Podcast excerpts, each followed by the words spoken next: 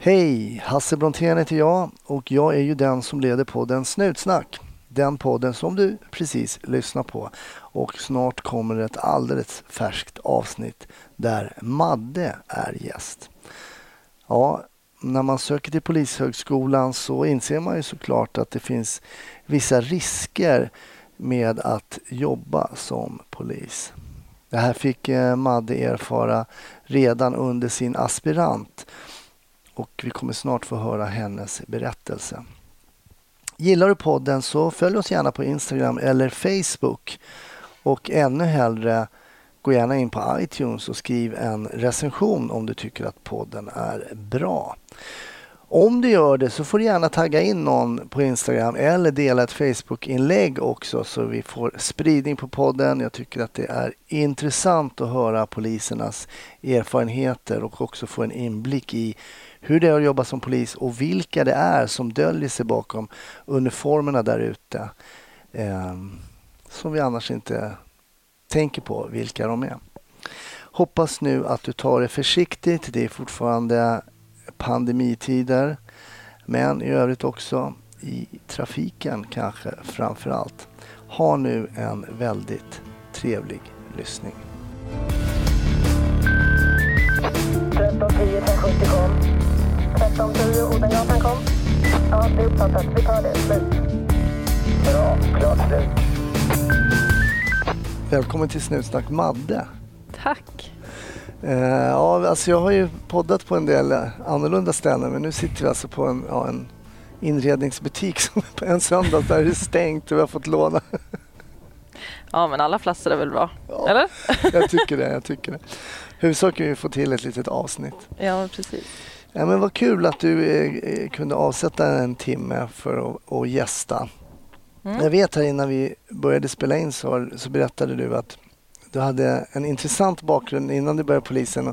Men jag tänkte vi kunde bara, du bara lite snabbt kunde berätta var, var du själv uppvuxen och sådär och vad har du liksom spenderat dina första år i livet?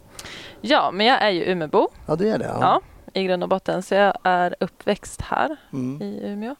Och när jag var 18 så bestämde jag mig för att jag vill göra lumpen. Så då flyttade jag till Boden. Mhm. Ännu längre norrut. Ännu längre norrut, jajamän. Eh, så att där var jag i två år. Mhm. Men vad då gör man lumpen i två år? Nej, men jag gjorde 11 månader. Men sen fortsatte jag jobba inom försvaret ett år till. Okej. Så då blev jag kvar där.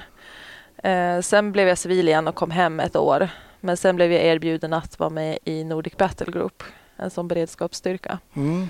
Så då åkte jag tillbaka till Boden fast jag sa att jag inte skulle det igen. Eh, och när, under det här året så blev jag då även erbjuden en tjänst eh, till en mission i Afghanistan. Okej, Va- men vad, om jag får fråga, vad var det som gjorde att du ville göra lumpen? En Eh, del till de flesta tycker att det är rätt skönt att slippa. ja, exakt. Eh, nej, men jag ville, jag ville nog se om jag fixade det. Okej. Jag gillar att eh, utmaningar. Ja. Gillar att testa mig själv och se lite grann vad man höll på att säga gå för. Mm. Och det här blev en, eh, en typisk sån grej. Sen är väl jag kanske lite pappas flicka och pappa var insatt i försvaret så att det blev, eh, Okej. det blev så helt enkelt. Men hur, vad hade du för Boden? Det finns ju både, jag vet inte vad det finns för styrkor kvar där. När jag gjorde lumpen var det några år sedan. Men Ja, ja. då fanns det både liksom ingenjörstrupper och signaltrupper. Och, Jo men det var det när jag gjorde också. Okej. Ja, det är ju tio år sedan jag muckade. Mm. Mer till och med. Jag Ja. gjorde lumpen 0607. ja.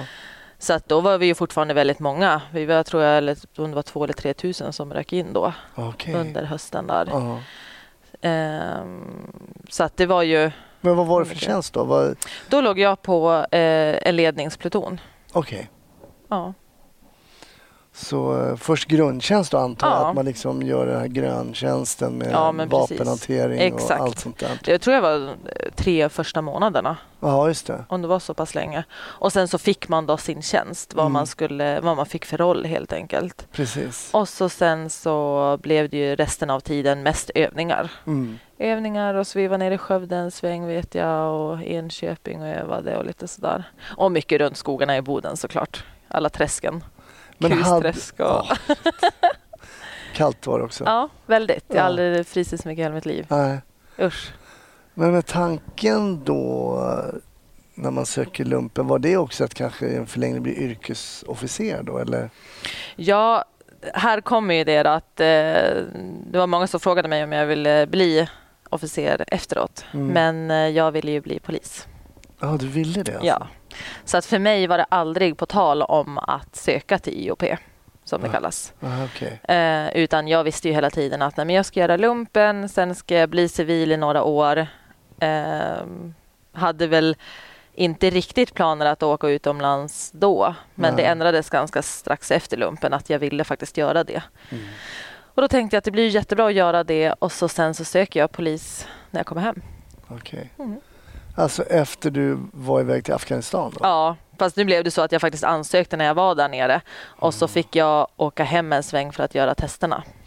Men berätta, hur var det att åka till Afghanistan? Lämna Västerbotten?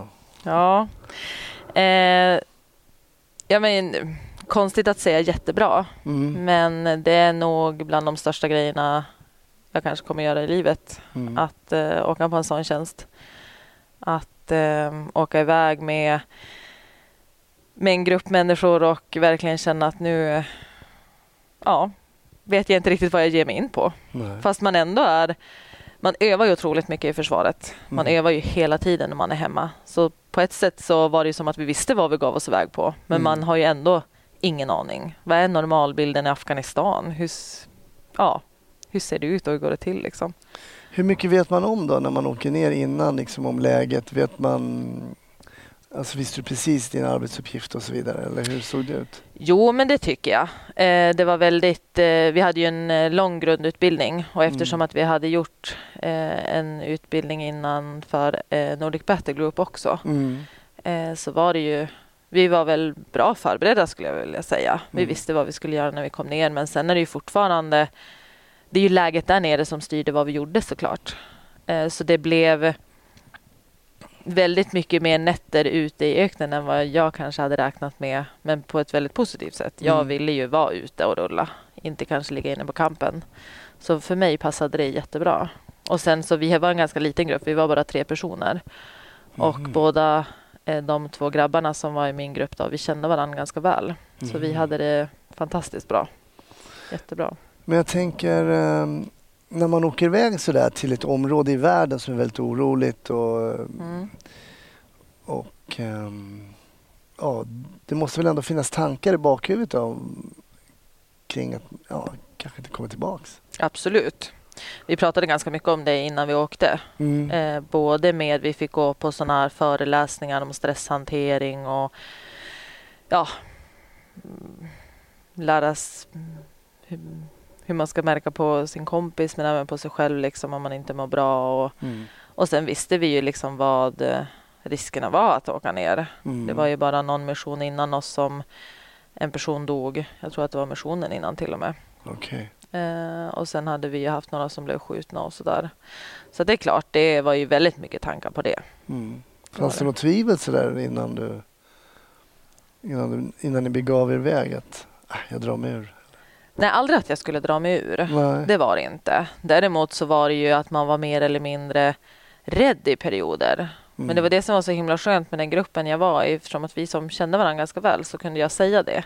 Mm. Och vi pratade om det och jag sa liksom att gud, är inte ni rädda och hur känner ni liksom? Men de, de var ju som på samma plan och samtidigt sa de ju det att ja, men vi, vi litar ju på varann. Vi vet att vi är bra tränade. Vi har Mm. gjort det vi kan och vi litar på att du gör det, det du ska göra om det händer något och vi Mm. gör så gott liksom vi kan och mer kan vi som inte göra. Men när du säger att du var rädd, menar du att du var rädd där eller innan? Nej men kanske innan. Ja, innan. Ja. Ja, sen är det klart första gången man rullade ut där nere eller skulle på en operation eller man skulle till ett område där man visste att det ofta blev att man blev påskjuten. Då var man ju jättenervös när man satt där i vagnen. Mm. Men då har man sitt vapen, jag vet vad jag ska göra, jag får laga efter läge och ja. Vad var er uppgift då när ni åkte ut så att ni lämnade kampen och rullade ut? Vad var er uppgift då? då? Vi var ju en ledningsvagn. Mm. Eh, Så vi rullade ofta ut med cheferna som typ bestämmer. och Okej, så. Ja, med officerarna liksom. ja, precis. Ja. Och se till så de har samband och kan prata med alla och lite sådär. Så det var en förlängning av det du hade övat liksom redan när du började göra lumpen? Ja, det var det. Vad var det tuffaste med själva lumpen då? Oj. Kylan i Boden och många kalla nätter ute. Mm. Det, det var jobbigt. Och inte riktigt, då var det ju sådär, man skulle ut på någon övning och så fick man aldrig veta när man skulle komma in. Ska vi gå nu de här fyra milen och sen får vi komma in? Nej, vi blev utkörda i skogen igen. Ja.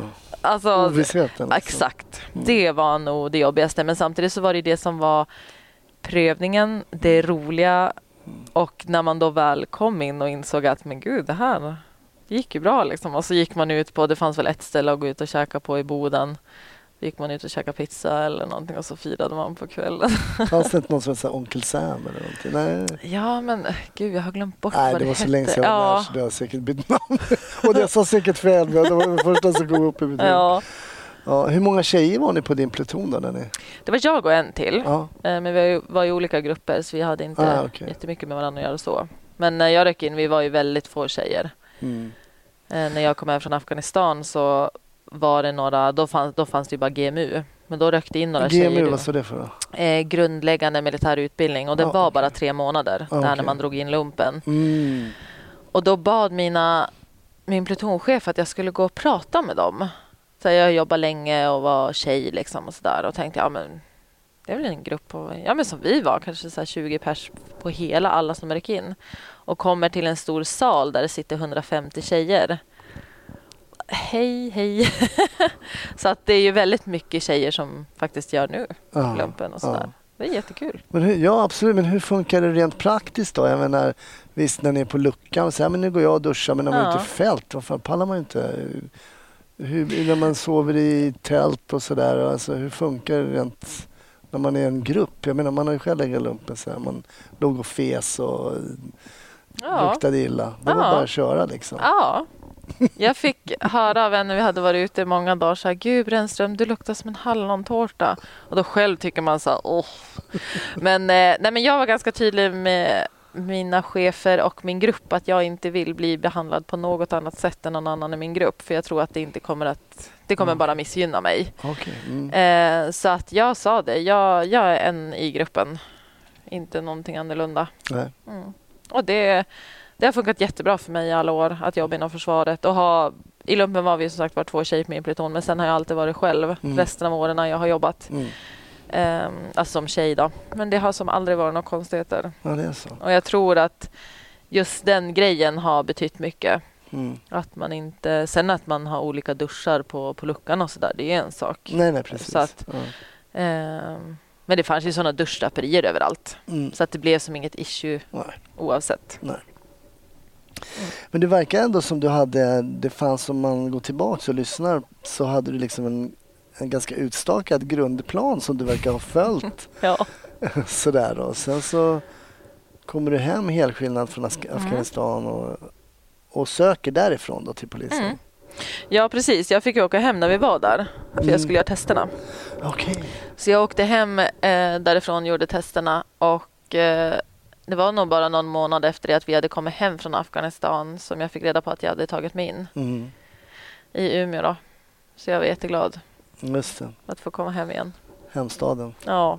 Så jag jobbade kvar ett halvår i Boden efter vi hade kommit hem och sen så Mm. började jag efter sommaren då, på POS. Om du jämför polisutbildningen med militärutbildningen, Oj. Ja, det finns inte många likheter. är det så? Ja, nej. Nej, det är ju två. Och det är ju det är inte konstigt för det är två helt olika yrken. Ja. Alltså det är det Mm. i, i slutändan. Det är många som kollegor som kanske frågar nu lite grann sådär, men du, hur gjorde ni inom försvaret? Mm. Och bara, ja, nej, våran taktik där är ju väldigt annorlunda. Mm. Så är det ju. Och det är ju för att vi utsätts för helt olika saker. Mm. Så att, eh, men däremot har man ju med sig mycket annat kanske, Mm. kände jag när man började på POS. ja, vad, vad, vad hade du med dig då som var bra? Eh, bär uniform, Mm. ja, vapenhantering. Mm. Alltså nu har jag ju levt med vapen på mig i flera år. Mm. Alltså det var ju som inget konstigt eh, för mig. Nej. Eh, det här att representera en annan stor myndighet. Eh, och lite, lite sådana grejer. Och sen bara att man, jag var ju lite äldre då Mm. när jag sökte och hade jobbat ett tag och varit med om lite saker. Eh, så att jag tror att bara det gynnade mig. Mm. Att inte det blev så jag höll på att säga, onödigt stort, många just- saker. det, ja. Jag menar, det var, jag hade ju folk i klassen som var lite nervösa inför första bilkörningen. Och då kör vi ju Volvos. Så att, ja. Eh, Du hade kört helt andra bilar. Ja, Just det. ja. Men eh, okej då, men du går skolan och, och, och ehm, blir placerad. Var blir du placerad då? Jag fick göra aspiranten i Västernorrland och valde då att få vara i Övik för att kunna dagspendla hem. Okej, mm. just det. Det är inte så långt. Nej. Nej, nej och tågen hade börjat gå då så det var ju toppen. Ja. Ja, Hur, var, ehm, hur var aspiranten då? ja men jättebra. Jag, hade, jag var väldigt glad också att göra det på lite mindre ort. Mm. Eh, där man, eh, jag fick åka själv med min instruktör på IGV då, redan från start. Mm. Så man fick göra väldigt mycket. Och eftersom att det inte finns, det är en liten station.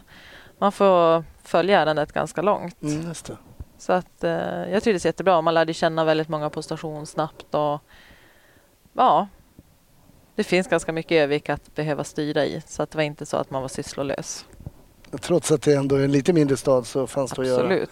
Ja. Och det tror jag, det låter som en väldig fördel att kunna sitta två i bilen och ha sin Mm. istället för att kanske sitta i baksätet eller man sitter som vi gjorde när jag började satt man i en buss. Mm. Ibland satt man längst bak där och skrev inte anmälan och var inte liksom kanske Nej, riktigt delaktig liksom i ärendet på samma Nej. sätt som när man är två. nej.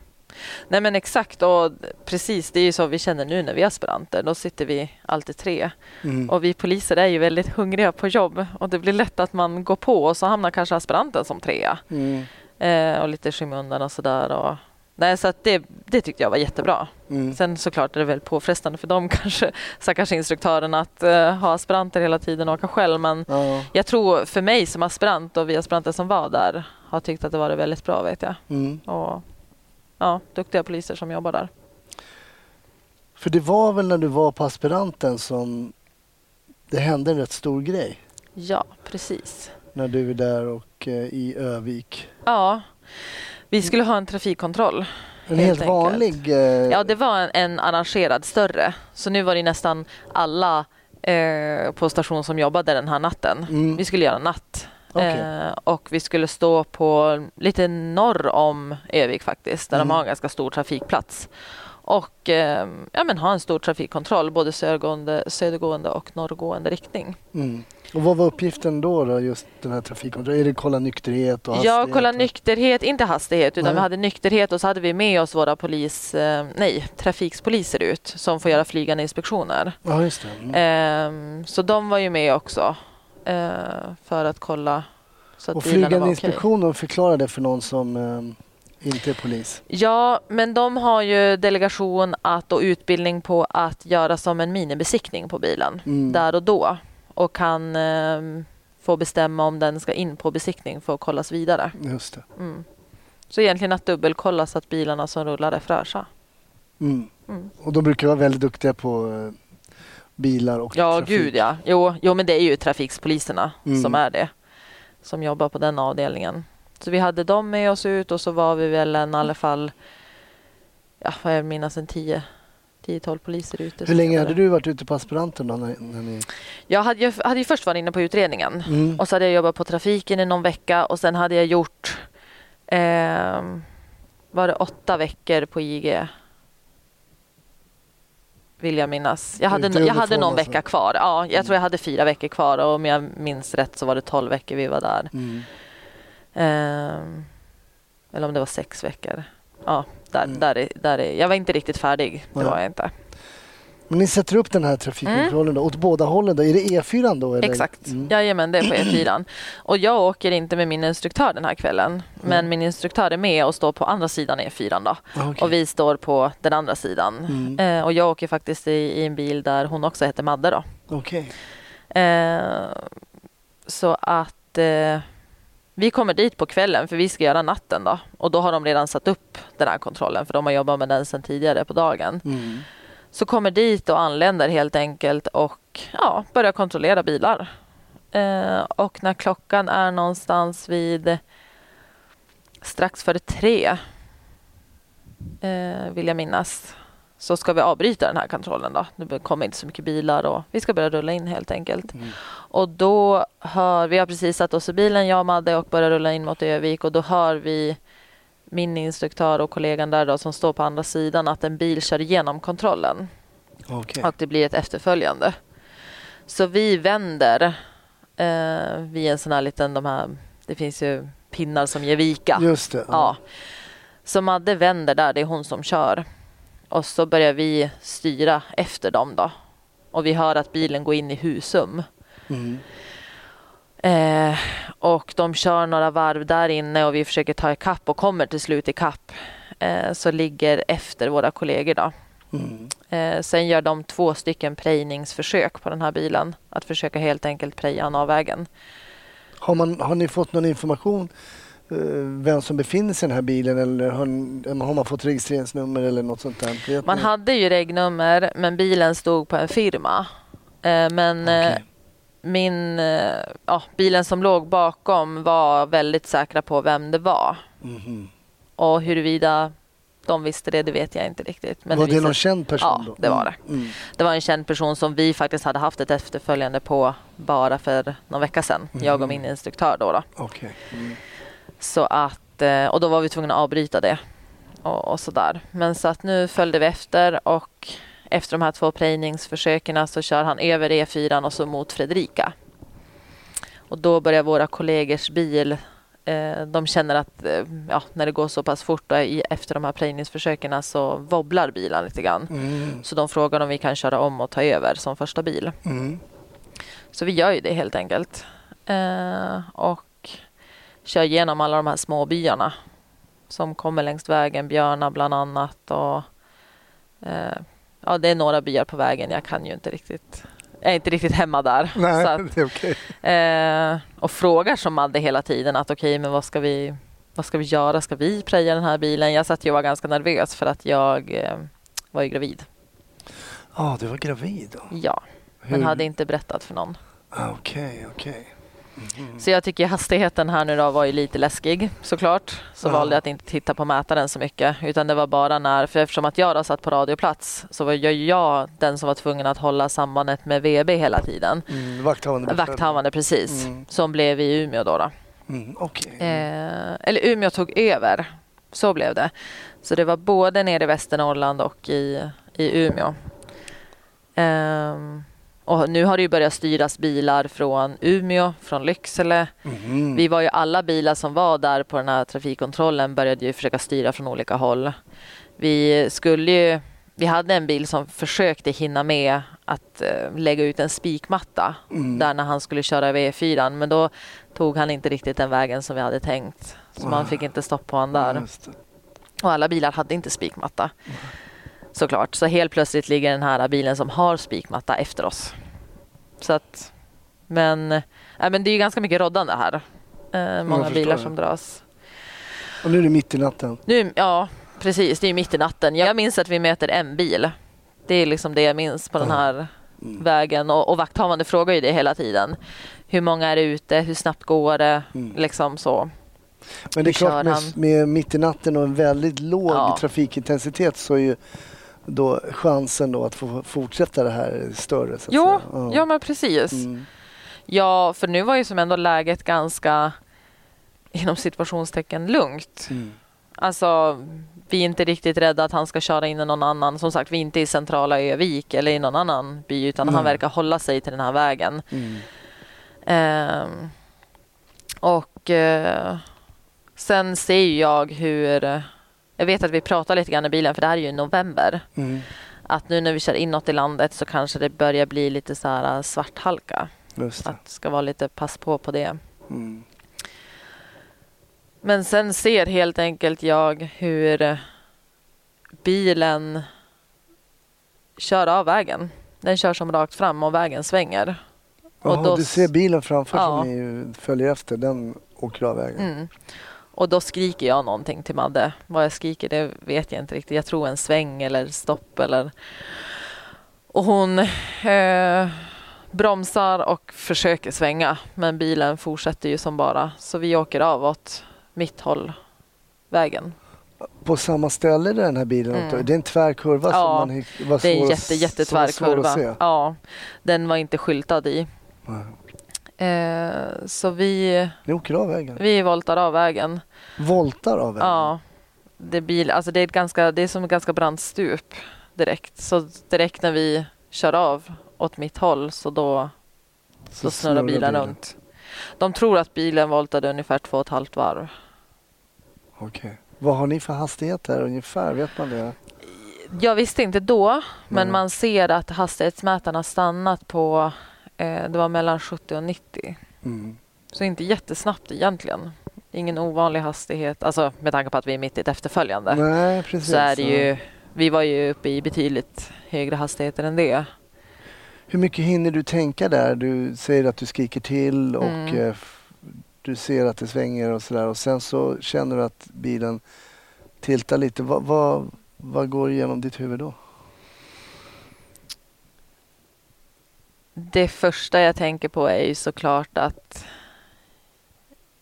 jag är gravid. Hur mycket av det här voltandet liksom, märker man av? Du säger att ni hade voltat två och en halv. Hur mycket kan man själv räkna? Eller bara Nej, man runt där inne? ja, alltså det, det låter som att, nu vet inte jag hur en, jag höll på att säga en stor kristallkrona skulle låta om man släpper den, men det, det är liksom det jag associerar till ljudet, att det verkligen hundra glasrutor eller någonting sprängs, alltså det är så det låter. Och sen så blir faktiskt allt svart. Okej. Så jag svimmar nog. Ja, du svimmar där. Mm. Vad händer sen? Sen vaknar jag till. Jag vaknar som upp och eh, inser ju väldigt snabbt att jag är under vatten. Och eh, kan inte andas. Du är under vattnet? Mm. Hur, hur, eh,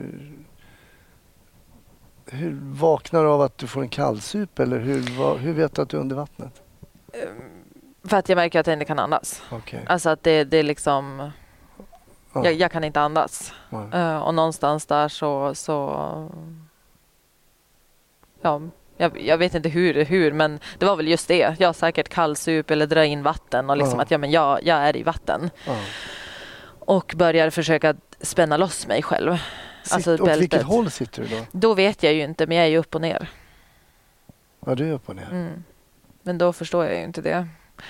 Eh, men jag försöker ju få loss mig från bältet. Mm. Eh, men det går ju inte. Det sitter jättehårt och eh, det har ju som dragits åt såklart över kroppen. Eh, så det sitter ju jätte, jättehårt. Plus då när man hänger upp och ner så hänger det ju i det. Så att jag... Eh, jag kommer ju inte loss. Nej. Så börjar vifta och skrika och sparka och tänker ju hela tiden att gud, jag kan ju inte det nu. Nej. Nej. Eh, men orkar inte hålla andan. Nej. Så jag börjar ju andas. Och försvinner då mer och mer hela tiden. Och vad är det nästa grej du kommer ihåg? Eh, nästa grej jag kommer ihåg är att jag eh, vaknar till.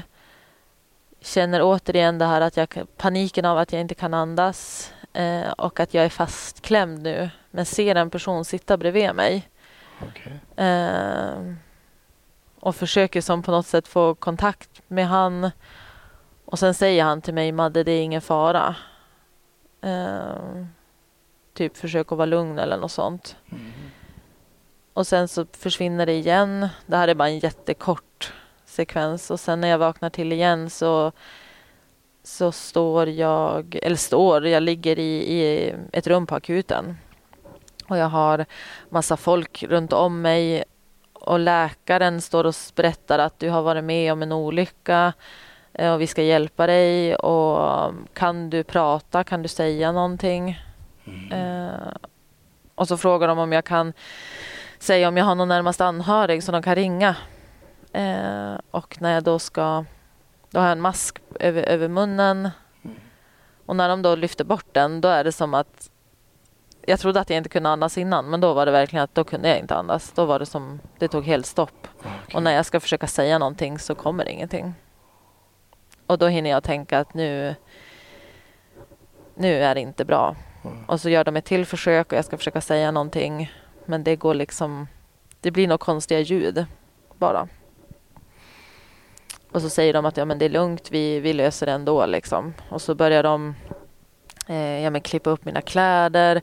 Jag hör hur de pratar om att jag har blivit så pass nedkyld. Jag hade en kroppstemperatur på under 33 grader. Att man inte fick värma upp mig för snabbt så att organen skulle följa med. De försöker sticka mig med nålar. Men, eh, och det är väl för att sätta dropp och grejer antar jag. Eh, Men eh, ja, det gick nog inte så bra. Eh, Och det enda jag tänker på det är ju liksom att gud, ge mig inga droger, jag är ju gravid. Eh, och någonstans här så får jag ändå kontakt med han igen. Och ehm, eh, när han då tar av masken så får jag fram eh, gravid. Okej. Och då frågar han liksom, ja, är du, är du gravid nu? Och så kunde jag nicka. Och så frågade han om jag visste vilken vecka. Men ehm, ja, jag försökte säga men det gick inte så mycket. Men han bara, okej det är tidigt eller? Så jag nickade igen. Och då sa han liksom att det var bra, då ska vi inte göra onödiga röntgen och ge dig mediciner som kan skada. Och Mm. liksom, tänk inte på det nu. Det är Bara oerhört liksom- intressant att Ja. det är det första du får fram. Ja, det var som det enda viktiga. Ja, det är häftigt. Okej, men hur mycket förstår du egentligen av... Eh, att, förstår du där att ja, det vi voltade, alltså kan du sätta dem? Nej, Nej. du gör inte det. Nej. Det är som att... eh, och jag tror, jag tror nog inte just då att jag tänker på det. Nej. Alltså då, det är som... Just det här att känslan av att verkligen inte kunna andas och eh, drunkna. Mm. Också sen att jag hade ju som, det var så smutsigt vatten, det var så himla mycket smuts Mm. som jag drog ner i lungorna. Så det var ju, mm, nej, fokuset då var att försöka andas. Och jag hade ju någon, det kallas för CPAP tydligen, någon form av mask som trycker ner liksom luften. Mhm. Men det här var ju som verkligen en skräckblandad förtjusning. Alltså, jag märkte ju när jag tog av masken att det blev tio resor värre. Då kunde jag som inte andas. Ah, okej. Men det var så obehagligt att ha den här masken på. Mm. Så att det var ja, hemskt, verkligen. Och så sen tänkt, alltså men här nu går det ganska bra tag. Jag är tydligen och gör massa olika röntgen och grejer. Medan från det att jag har fått fram det här gravid. Nästa minne jag har är att jag rullar in på IVA och där står min sambo och min syster. Mm. Så de var där. Mm. Var det i Umeå då eller? Mm. Just det. Och vad händer med din kollega då som kör? Ja, det efter några timmar där när jag hade vaknat till lite grann mer då frågade jag min sambo vart Madde var. Mm. Eh, Men det är det här som är så konstigt för att jag visste att hon hade dött. Du visste det? Mm. Och det är jättekonstigt. Jaha. Men det var som att... För jag sa Madde är inte här va? Mm. Och då skakade han på huvudet. Och så började han ju gråta. Men det var som att jag bara nej. Men hur skilde sig era liksom positioner i bilen i förhållande till det här vattnet? Kom hon i en liknande situation eller klämdes hon på något sätt? Varför avled Madde? Det vet man egentligen inte. Eh, inte det jag har fått reda på i alla fall. Eh, utan, eller ja, hon dog av, av att hon fick också vatten i lungorna och kunde inte räddas. Alltså så. För mig fick de igång på plats. De Mm. drog ut mig först ur bilen och sen så sprang de tillbaka i vattnet, mina kollegor då. Och så drog upp Madde. Mm. Ehm, så att jag, jag kom ju upp lite snabbare än vad hon gjorde. Och sen är jag väldigt övertygad om att jag tror att det är många bäckar små här var kanske varför jag överlevde. Och det är ju någonting vi har frågat läkarna mycket också såklart. Liksom, att Mm. varför? Varför? Mm. Ehm, men eh, att jag vaknade upp där i bilen Mm. och ändå kanske kunde hålla andan ett litet tag. Just. Mm. Och jag är så övertygad om att hon inte gjorde det. Mm. Det är som att jag... Eller jag tänker i alla fall att om hon hade gjort det så skulle väl säkert hon ha betett sig kanske som jag och att man viftar eller försöker sträcka sig efter någonting eller... Mm. Och då skulle vi ha känt varandra. Det. Men det gjorde vi inte. Nej. Och, så jag, jag tror att hon, hon, hon svimmade precis som jag men vaknade aldrig upp. Nej, jag förstår. Mm. Min sambo är helt övertygad om att jag överlevde på grund av att jag var gravid. Mm. Mm. Och att ja, men så här, man har lite mer blod kanske. Man har, som man kan styrsätta sig med. Lite mera, alltså det var, ju, det var ju det enda som gick i min hjärna såklart när jag ändå Mm. vaknade upp att jag kan ju inte dö nu. Nej. Det går ju inte. Nej, men det är intressant. Det precis, du berättar precis när ni kör av så tänker du jag är gravid. Mm. Eh, första som händer när du vaknar och kan tilltala läkaren säger du jag är gravid. Mm. Vad är det som gör att man som gravid kvinna... Eh, eh, vad är det som händer med en? Liksom? Det, Det enda man bryr sig om det är ju att skydda det man har i magen. Alltså det, det, mm, det finns nog, vad jag vet, inget starkare. nej. Alltså båda gångerna när jag var gravid.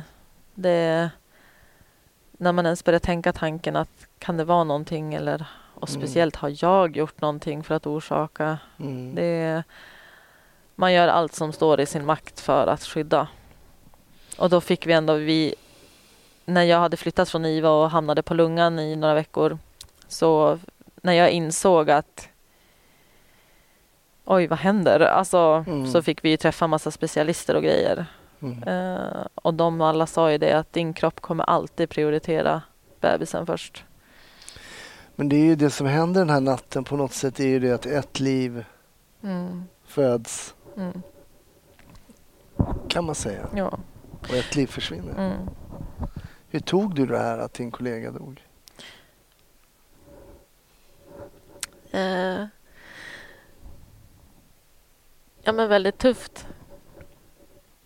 Även fast vi kände ju inte varann. Um, hade egentligen bara åkt med varann två gånger. Men som sagt, Övik var en väldigt liten station. Vi hette likadant. Det roliga var att vi... Det skiljer bara ett år mellan oss. Eh, många sa att vi var som så lika på något sätt. Att det var som att vi kände, det kändes som att vi kände varandra mer än vad vi gjorde. Mm, Eh, men jag har eh, brottats otroligt mycket med eh, skuldkänslor. Mm, Just det här att varför överlevde jag och inte hon? mm. Pratade lite om det innan när du åkte till Afghanistan och sådär att risken att liksom kanske inte komma hem. Mm. Även om kanske risken är mindre i Sverige som polis att, att liksom avlida på jobbet så Mm. finns det ju ändå en, Mm. en, en sån risk. Och man Ja. utsätts för faror och framförallt kanske med trafik. Man tänker att man ska bli skjuten men det är kanske Mm. trafiken och sånt där. Skulle du, hade, du, hade du med dig någonting från det här militära att ha åkt iväg någon gång innan? Och, som du kunde ta med dig in i det här tragiska som hände med Madde? Både och. Men det som, man tänker ju alltid att det ska hända mig någonting. Mm. Så. Och det är väl det jag känner som jag har brottats mycket med det här att om jag bara hade kanske fattat att jag hängde upp och ner så jag hade kunnat hjälpa till att trycka ifrån från taket när jag spände loss mig. Mm. Om jag hade kommit loss så hade jag kanske kunnat rädda henne. Mm. Eller snarare när våra kollegor då kom eh, bakifrån att de hade inte behövt rädda mig. De hade bara Madde att rädda. Mm. Att det kanske hängde, för det handlar ju om kanske sekunder, någon minut efter det att Mm. jag kom upp så är hon uppe. Och just den här äh, otroligt sköra tråden livet hänger på. Mm. Att om, om jag bara hade... Det går ju väldigt mycket och Mm. har ju rullat otroligt mycket. Mm. Samtidigt är det ju det, det som... Eh, man kanske tar med sig från, från det andra är ju den här alltså, kamratskapen. Mm. Alltså att, att eh, jag vill... Och det är många som säger det, liksom att Madde hon älskade ju sitt jobb. Mm. Alltså liksom och tyckte ju... Hon satt ju i bilen och sa liksom att men gud vad häftigt, du får vara med om flera efterföljande på under aspiranten liksom. Gud vad kul! Mm. Och hon var ju så otroligt taggad och liksom... eh, Och det var ju så jag resonerade kanske när man åkte till Afghanistan och nu som jag jobbar som polis att, att ehm, ja, på något sätt så överväger ju det bra, det bra delarna med jobbet riskerna. Mm. Sen är det ju så otroligt tragiskt att Mm. det ska hända någonting sånt här. Såklart. Hur blev liksom, du nämner kamratskap och, Mm. och sådär att det är någonting som påminner om varandra kanske i militär Mm. och i, inom polisen. Hur reagerade hela den här stationen och, och alla kollegor och sådär? Vad händer när något sånt här inträffar? Ja, eftersom att jag inte riktigt hade jobbat så länge Mm. så visste jag ju inte riktigt. Nej. Men det här var ju... Jag sa ju där redan på IVA till min sambo att aldrig mer. Jag sätter mig inte i en polisbil igen. Nu är det slut. Mm. Och jag gjorde aspiranten knappt klar. Eh, men jag sa det att ehm, sen hann vi bara hamna på lungan, alltså mm, på vårdavdelningen där. Mm.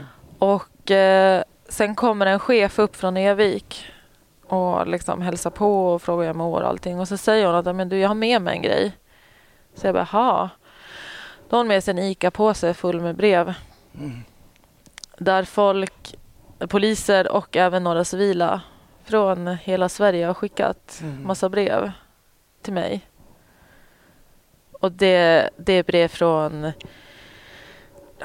jag höll på att säga vanliga PA, det är yttre befäl, det är alltså alla känns det som. När jag kom hem från sjukhuset, jag hade så mycket blombud att till slut ringde de från Bergens blommor då, där vi ringde och bara Hej Madde, är du hemma? Det kommer fler idag. Mm.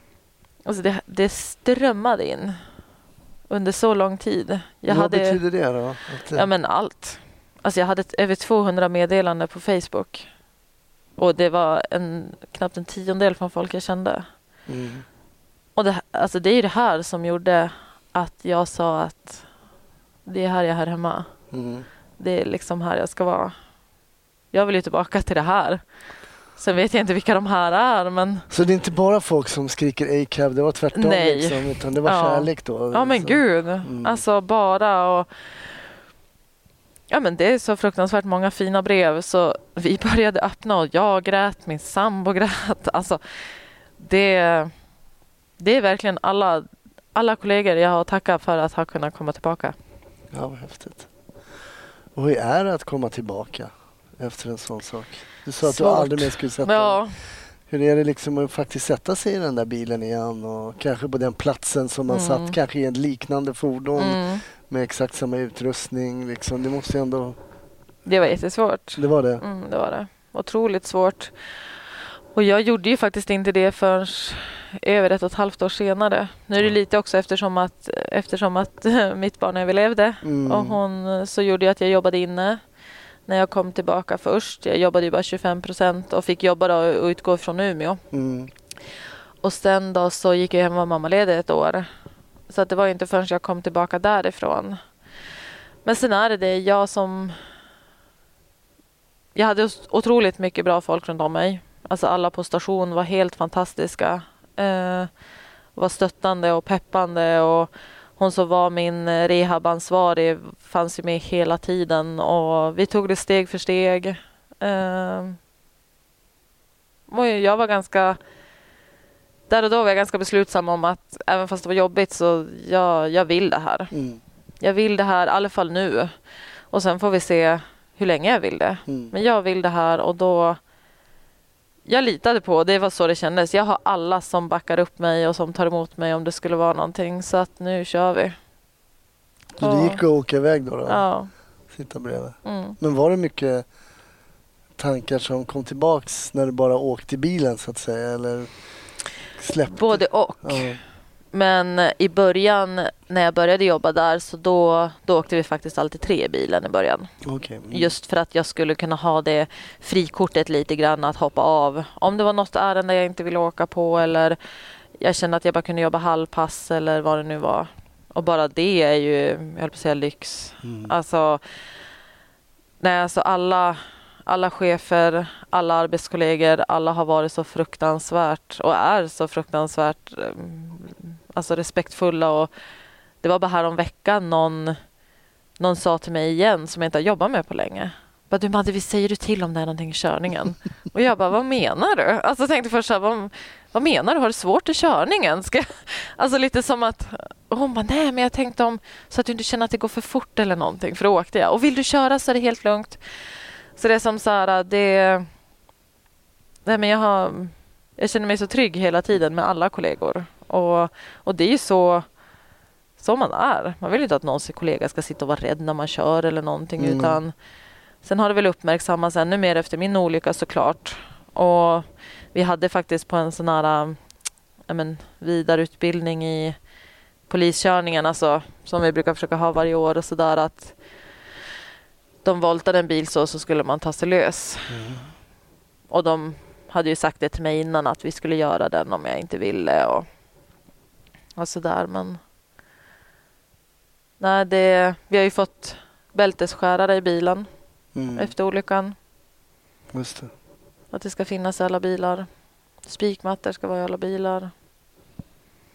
Så att även om eh, min och Maddes olycka är så tragisk och ledsam och på många olika sätt så, så har det ju ändå fört med sig vissa grejer. Det har blivit lite wake-up calls och man Mm. har ju tagit då lite beslut som faktiskt gör att det här inte ska hända igen. Det. Det tycker jag är väldigt... Det är skönt, det är bra. Mm. Bra att man liksom gör så gott... Bäddar för sig så bra som det går. Mm, absolut, absolut. om olyckan är framme. Men hur mår du idag då när du är ute och jobbar? Är Rent Bra. Mår bra? Bra. Ja, är men det, Mm. ja, jag mår jättebra. Jag vill verkligen jobba ute på IGV. Jag trivs jättebra. Eh, jag har kul på jobbet. Mm. Jag tycker att det är roligt. Jag eh, vill absolut inte gå in och jobba. Jag är inte riktigt en kontorsmänniska. Så att nej, jag, jag trivs jättebra ute och jag tycker att det känns så fantastiskt. Jag som sagt var har fått mitt andra barn för ett och ett halvt år sedan. Men, och många säger det, nej men nu med två barn då går det inte att jobba ute. Men det, nej. Det, Det går, hur bra som helst. Hur bra som helst, ja då. Nej men jag, jag tycker att det är fantastiskt roligt. Jag tycker det är kul att ha aspiranter som kommer till oss och är peppande och liksom Mm. känna att man får en hjälp till dem längs vägen. Mm. Och... Nej. Olyckan finns ju som alltid med och kommer ju som... Det var något jag kämpade mycket med, eller min psykolog fick nog kämpa mycket för att få mig att förstå att jag är en sån som vill lösa problem om det dyker upp och hur ska jag lösa det här? Och till slut sa jag det till henne efter några månader. Jag hade gått till henne att jag är så less på att vara ledsen. Jag är så less på att känna att jag inte tar mig från det här. Jag tar mig inte vidare. Vad du måste berätta för mig hur jag ska lösa det här problemet. Och så sa hon det, men Madde, det här är inget problem du någonsin kommer att kunna lösa. Du måste bara lära dig att leva med det. Mm. Och det är så jag försöker försöker tänka på det. Mm. Att det är verkligen en, en jättestor erfarenhet och någonting som har förändrat en på många sätt. Ehm, men som en, en erfarenhet som jag lever med. Du var ju väldigt nära att dö där Mm. i samband med en trafikolycka. Men det finns ju andra risker med polisyrket. Mm. Du tänker inte på dem då? Att du skulle kunna utsätta dig för... Det finns ju annat. Det, jag menar, att skulle det kunna vara någon negativ synergieffekt att man är utsatt för en risk och tänker men de andra då? Jag har inte blivit utsatt för det än. Tänk om det händer mig? Är det Ja. någonting som håller dig tillbaks? Inte hålla mig tillbaka utan jag tror eh, och hoppas att olyckan ska ha fört med sig att jag ehm, jag höll på att säga, kanske tänker innan jag springer in i någon onödig situation. Mm. Sen är det ju så att eh, som sagt, vi lever ju med att kunna utsättas för risker hela tiden. Skjutningar, någon med kniv, ehm, ja allt möjligt. En spade Mm. kan döda också. Eh, så absolut. Eh, jag är inte mer rädd nu att det ska hända mig. Eh, däremot så känner jag ju att jag har jag har fått känna på att, att eh, man är inte Stålmannen. Nej. Och Nej. jag har tänkt att komma hem till mina barn. Mm. Eh, och ska göra så gott jag kan varenda pass för att alla mina kollegor ska få det. Mm. Och mer än det kan jag inte göra. Eh, utan det gäller att fortsätta träna. Träna eh, taktik, träna hur vi bemöter folk. Att hålla sig ajour inom de grejerna. Mm. Prata med varandra, med kollegor. Hur tänker vi? Hur gör vi? Mm. Så att man inte hamnar i det där uh, oj, det bara blev. Mm. Och så har man sprungit in i någonting onödigt. Utan vi jobbar inte på provision. Nej. Att verkligen... Sen vissa gånger så har man inte tid att stå och fundera och tänka hur länge som helst. Så är det. Mm. Eh, men... eh, Och trafik. ehm, alltså när vi är ute i trafiken, det är ju svårt också att förutse. Liksom, men att där också vara ärlig mot varandra. Att man säger till kollegor liksom att du, nu kanske det går lite snabbt. Eller, Mm. vilket ju inte var egentligen i Mint och Maddes fall. Där hade vi ingen sån situation heller. Men att påminna varandra ändå om det. Mm. För att när man sitter där och kör, man blir taggad och man vill ju ta han där framme eller Mm. kapp eller man har Mm. bråttom. Man vill ett lägenhetsspråk. Man vill ju fram och hjälpa någon som kanske ligger där och blir misshandlad. Ja. Så att det är ju liksom prata med varandra. Mm. Så. Alltså det är en otroligt eh, dramatisk händelse och också tragisk som vi har nämnt eftersom en Mm. av en eh, polis dör där. Det är också eh, väldigt intressant att få höra den eh, av en person som var där på plats. Och jag märker att du går tillbaka lite grann till det. Det Mm. det, ja, men det är häftigt och jag tror att det är nyttigt också för våra lyssnare att få höra. Mm. Men nu ska vi gå från det allvarliga till det, det mindre allvarliga. Eh, som livet är ibland. Att Ja, det flippar eh, och kanske som polisyrket är ibland att man möter döden och nästa gång så är det ett skratt av Väldigt. någonting Ja. väldigt trivialt. ja. Jag brukar alltid runda av podden med Mm. att fråga min gäst om, om eh, polisfilmer Mm. och serier och sådär. Är det Ja. någonting man har tid med? Du, har ju, du är ju tvåbarnsmamma med ganska två små tjejer. Hur, Ja. hur blir Nej, det finns ingen tid. Nej, det är inte det. Då får vi gå tillbaka innan då, ja. tiden innan barnen. Ja, jag har inte sett jättemycket polisfilmer och sånt där. Det gamla godingarna Beck och Wallander och sånt där. Bron såg jag när det kom. Mm. Tyckte det var en jättebra serie. Mm. Gillade den eh, jättemycket så den kan jag tipsa om. Däremot så har jag en annan film som heter A second chance Okej. eh, som inte kanske handlar om polisyrket på det sättet men det är två poliser som eh, det handlar om. Han som har huvudrollen är, är då polis. Och de hamnar, nu kommer jag inte ihåg om det var på grund av en husrannsakan eller om de var där på grund av ett lägenhetsbråk. Men kom in i en lägenhet som är känd för dem då och är en eh, personer som är kända knarkare Mm. helt enkelt. Och de går omkring där i lägenheten och de är ju som helt borta och hittar en bebis i garderoben Mhm. Som det här paret då självklart inte tar hand om på ett bra sätt. Och eh, de sociala myndigheterna och det här, det fungerar väl inte så bra här. Och eh, det slutar, eller det slutar inte med, men fortsätter med att den här polisen faktiskt tar det här barnet. Jaha. Det har jag inte hört talas om. Nej. Intressant. Second Mm. chance. Vad kul. Mm. Ett tips som bara dyker upp från ingenstans. Ja, Ja. Så att, och varför jag ändå vill tipsa om den är en väldigt alltså, gripande film och, och slutar ändå otroligt bra. Men just den här uh, misären vi får se. Mm. Alltså det, det är folk jag kan ibland tycka att det, det man får frågor om, om polisyrket, är det inte jobbigt att ta hand om fulla människor? Gud vad jobbigt det måste vara att liksom, Mm. alltså att folk förstår inte vad vi gör Nej. riktigt. Och det är jättebra nu när man har börjat med, vi har ju börjat med det i Umeå, vi har en Instagram-sida där det fotas mycket och läggs ut och sådär. Och till och med min sambo kan fråga mig så här, men gud Madde, ser du det här? Kan det se ut så här i en lägenhet? Och då Mm. lägger man ju kanske inte ut det värsta heller. Mm. Och jag tycker det är en bra film för att visa lite grann att vad vi får kliva in i för hus och hem och se. Mm. Och hur man handskas med det och ibland kanske inte går nästan inte att handskas med. Nej. Hur kan man se en spädbarn ligga... Mm. Ja, Inte omhändertagen. Nej, Nej. och det kanske också är någonting, alltså när man kommer som nyutbildad polis, att man inte är riktigt beredd på. Man kommer från någon form av kanske medelklassuppväxt Mm, liksom och ja. sådär och sen så ser man eh, ser man den här totala misären som Mm. tyvärr en del människor lever i. Mm. Ja. mm. Mm. Ja, men vad intressant. Second Chance, en film som vi inte har blivit tipsade om tidigare i podden. Och Ja, det tack för. Och stort tack Madde. Jag är så eh, glad att jag kunde slita iväg dig en timma, en timma från din fritid. Du, det Tack var så lite kul att få vara med. Tack.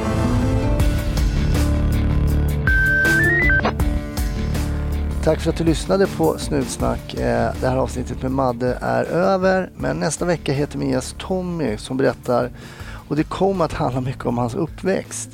Eh, som kanske inte var helt perfekt, även om kanske ingen har en perfekt uppväxt. Men kan en, som Tommy eh, sa, brokig uppväxt vara en styrka när man jobbar som polis? Ja, det får du höra mer om i nästa vecka. Och jag hoppas vi hörs då. Ha det fint fram tills dess. Hej då! Música